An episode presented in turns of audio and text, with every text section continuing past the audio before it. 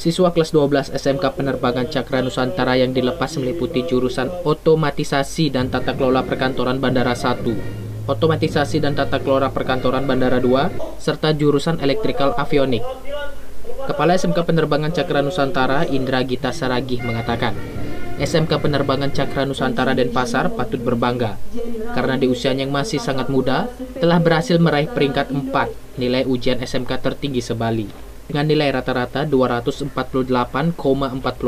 Keberhasilan siswa SMK Penerbangan Cakra Nusantara ini tidak hanya dapat dilihat dari nilai ujian nasional, namun yang lebih penting dinilai oleh masyarakat dan dunia industri yang cermat dan teliti. Juga dituntut untuk dapat mengabdikan dan mengamalkan ilmu yang diperoleh selama di bangku sekolah pada lingkungan yang lebih nyata di tengah masyarakat dan dunia industri khususnya industri penerbangan. Keberhasilan ujian nasional 100% bukanlah tujuan akhir, tetapi hanyalah tujuan antara. Karena pada dasarnya, indikator keberhasilan SMK Penerbangan Cakra Nusantara adalah secara menyeluruh, semua lulusan 100% dapat diserap oleh dunia industri dan dunia kerja. Pada kesempatan tersebut juga diserahkan berbagai penghargaan kepada siswa yang meraih nilai tertinggi di masing-masing jurusan, serta diserahkan penghargaan kepada siswa yang berprestasi.